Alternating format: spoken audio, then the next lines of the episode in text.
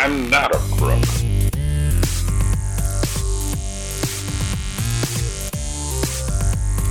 Because they are hard. Hello, everybody, and welcome to Presidential Deathmatch, a show that follows in the great tradition of legislators everywhere and doing everything at the very last minute.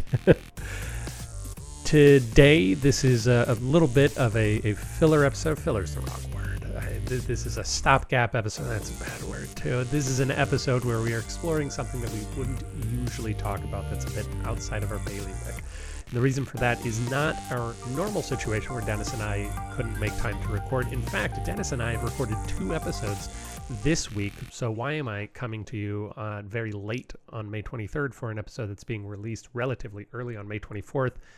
It's because editing got got in the way with both of those episodes as well as some other commitments. I don't quite have time to edit the episodes that Dennis and I recorded, although they're great and you are going to hear them and you're going to like them quite a lot, or at the very least, you're going to like Dennis and them. That tends to be the way these things go.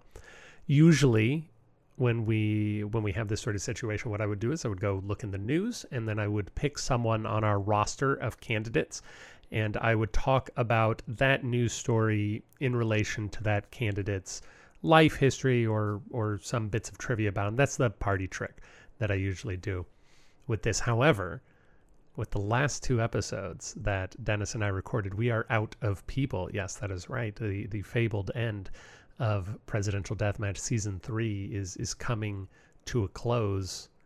Who would have thought it? And now it comes to bite me in the ass. So instead of talking about a, a person, and instead of talking about anything explicitly in the news, instead I'm going to talk about uh, the idea behind a book that I'm currently reading as well as a theory that former guest or previous guest, I suppose he could always come back, but previous guest Andrew Heaton has espoused on his program, The Political Orphanage, recently. And I think this is going to be a relatively short episode because I'm doing this extemporaneously, and that, that isn't good for substantive debate very frequently. So, the thing that you may have noticed if you listen to all of our episodes, even those back in, in the halcyon days of season one and season two, is that the way we talk about politics now doesn't really fit uh, when when we start going back in time and we start talking about the campaigns that they ran or the issues that they were running on. It is not merely uh, it's not merely that the issues are different, but it is also that they seem to think differently, or it is it is hard to apply our modern apparatus to the past. Uh, and this is something that I've always felt, and and even growing up, um, people would say something like, you know, Lyndon Johnson got elected back in 1964, but you know that's when the Democrats were really the Republicans and the Republicans were really the Democrats, and that statement never made sense to me, and that statement continues to not make sense to me. Well, I'm reading a book that addresses that very concern. It's called The Myth of Right and Left. Actually, it's called The Myth of Left and Right. I was looking at it upside down, and it is by Hyrum Lewis and Verlan Lewis, who I assume are brothers, but I don't believe it is actually stated anywhere in there about the author section. Uh, I assume they are not spouses because they teach at different universities. I want to make that part clear.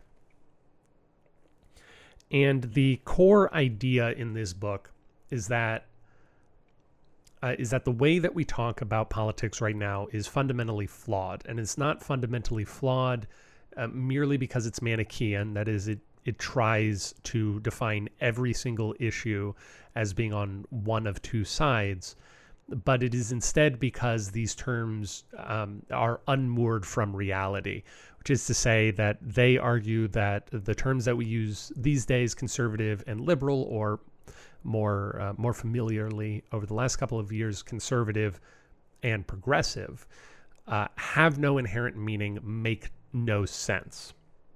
But Aaron, I hear you cry uh, through through the the cables of the internet. They do. They absolutely do. Conservatives want to conserve uh, past ideas of government naturally, and progressives, while they want to march forward into the future. Not so, argue the Lewises of the myth and left and right.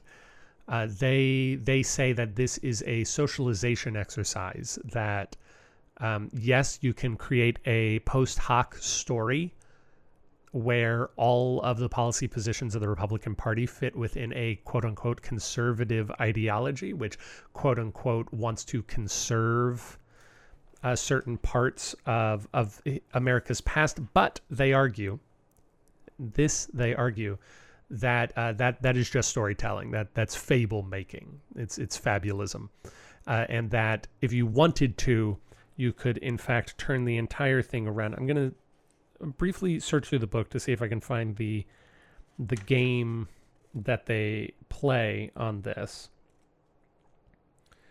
Um, so, so the first thing that they do to try and assert that what the actually hold on a second. Um, this is from later in the book. I haven't actually gotten to this part yet, but as I was flipping through, I uh, my eyes alit upon the passage, and it does feel like uh, like this is a good encapsulation of what the Lewises are arguing. The problem with politics today is not our two-party system, but the essentialist illusion. Uh, essentialist being the word that they use uh, to to mean that uh, progressive and conservative have inherent meaning and not just social meaning. That the essentialist illusion that there is a philosophical coherence in what each party stands for, as ideological illusions have entrenched those who belong to political parties, have become more dogmatic and lockstep. This is not coincidental. It is harder to keep a tribe at arm's length when we are convinced that everything it believes is part of a philosophical package. Since the reality is that there is no essence behind ideology and therefore no essence behind what each party stands for, then it follows that neither party nor its associated ideology has a monopoly on truth. We should keep the parties but kill the left right essentialism. There are many advantages to a binary political party system, but there are no advantages to a binary ideological system. Shedding essentialism and its concomitant myth of party infallibility would mean less dogmatism, more healthy skepticism, more willingness to depart from the party line. I should also say that while I continue to to look in this book for uh, for the uh, the game that they play. Uh, I, I, should say that on the previously said podcast, The Political Orphanage is hosted by the wonderful Andrew Heaton. About two weeks ago or a week ago, he had Hyrum Lewis on to to talk about the book. Hold on a moment. Ah, okay. So here it is. So uh, I'm going to read straight from the book here. I think it makes an interesting argument, one that resonates with with my lived experience of how we talk about America these days. Since opposition to change is the essence of the right, those on the right naturally favor free markets and tax cuts because they want to preserve the laissez faire traditions of American capitalism. They oppose abortion because they want to preserve Christian pro life values. They favored the Iraq War because they wanted to preserve the tradition of American exceptionalism and military strength. They oppose free trade because they want to preserve American manufacturing. They oppose immigration because they want to preserve America's current ethnic composition. Now, as I read that passage, you probably thought to yourself, yes, that's right. That is the story that we are told, yada, yada, yada. Um, what they go on to do is say, but listen, if we want to, we can say that the quote unquote left, the liberal side, the progressive side, is also opposed to change. Since opposition to change is the essence of the left, those on the left naturally want to conserve the environment and the American welfare state. They favor government anti-poverty programs because they want to conserve the traditional Christian value of helping the poor. They favor abortion rights because they want to conserve a woman's right to choose. Those on the left oppose radical attempts to change the world using military force and want more immigration because they believe in conserving the American tradition of welcoming the tired, poor, huddled masses to the country. Leftists believe in conserving long-standing American institutions such as Social Security, teachers' unions, and the FDA, while those on the right want to change or abolish them. Essentially, what they are saying is that you can apply justification to anything. Uh, and if, if you start from the end point, it is easy to make things, to tie things up together. This is actually something we do in improv comedy a lot to make things seem like they were all planned when, when they weren't. Once you have all the information, you can find your path through it. They continue forward by saying uh, that that now what they're going to do is pick a different concept. So they're not going to worry about change or the quote unquote leftist ideal. They're not going to worry about conservation, the right uh, ideal. Instead, they're going to choose a random, I don't know how random, this is, a, this is an edited book, but they're going to choose a quote unquote random adjective, which they say assertiveness, and they are going to build an American political party around the concept of assertiveness. Assertive people are not afraid to stand up for the rights of others, including homosexuals and the unborn, and that's why they are pro life and in favor of gay marriage. Assertive people have no problem asserting themselves into other people's lives and therefore favor the high taxation that others might consider intrusive. Assertive people are not afraid to stand up against criminals and are therefore in favor of tough laws and harsh sentencing. Assertive people are more likely to be self reliant and therefore less willing to favor redistribution programs that cause people to rely on the government. And what they are demonstrating with that passage and what they demonstrate uh, later on a little bit is that basically any binary that you want to assign, you can come up with um, decent, uh, a plausible storytelling to to get you there, and that therefore what we are doing is not engaging in actual fact finding or even sorting ourselves based on long held values. Uh, what we are instead doing is deciding that we belong to a tribe for whatever reason, usually geographic proximity. I believe that the reason that my brother is a very strong conservative is that he grew up in rural Texas. And we are uh, we we join a party for reasons unknown, um, usually something very emotional, and then we apply reasoning to it afterwards. This is what the Lewises say. I think it holds up. One other thing that I want to talk about is how the words left and right got into American parlance, which they go into in chapter two of their book. And uh, this is a this is a fascinating way of making certain, uh, showing how certain concepts can feel like they've been around forever when they really haven't.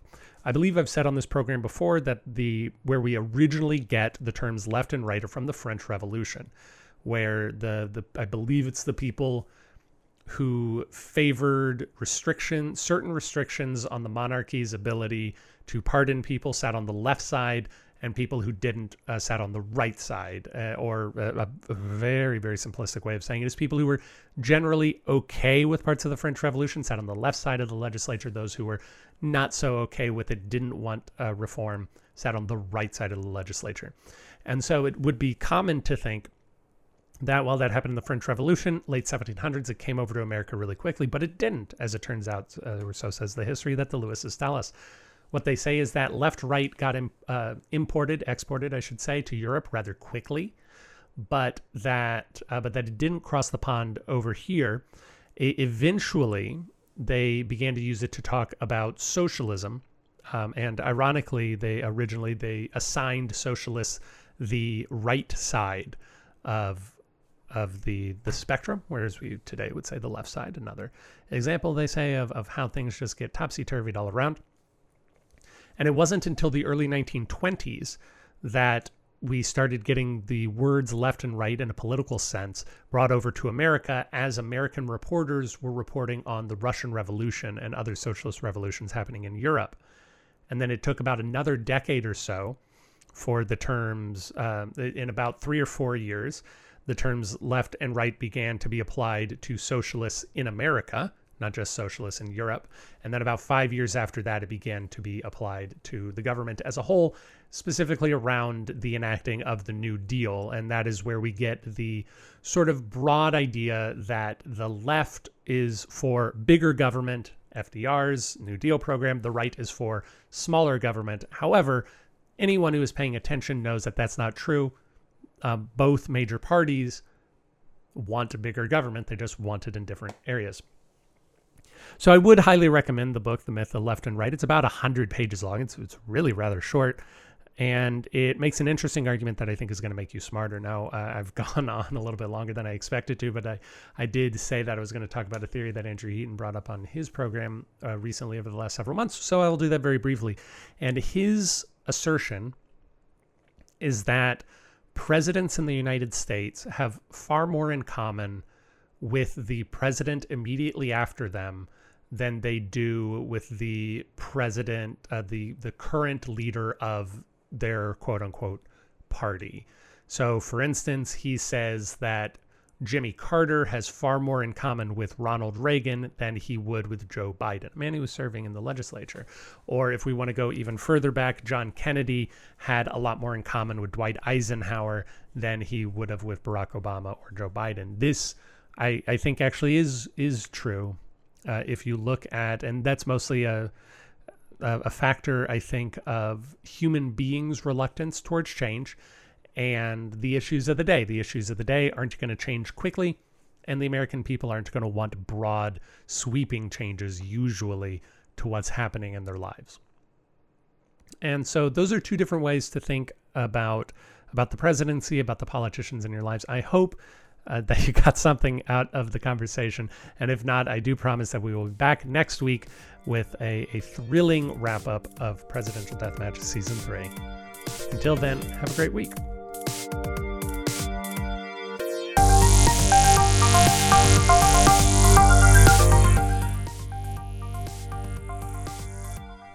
Thank you for listening to Presidential Deathmatch. Presidential Deathmatch is hosted by Aaron Garrett and Dennis Buddy and edited by Aaron Garrett. If you like the show, please consider giving us a review wherever it is. You can do that, we'd really appreciate it. If you didn't like listening to the show, well, why don't you come on back and give us another try? We really grow on you. If you want to reach out to us, you can do that at contact at pronoiatheater.com. You can also support the show in a variety of ways, including at pronoiatheater.com slash store. We hope you enjoyed it, and we hope to hear from you soon.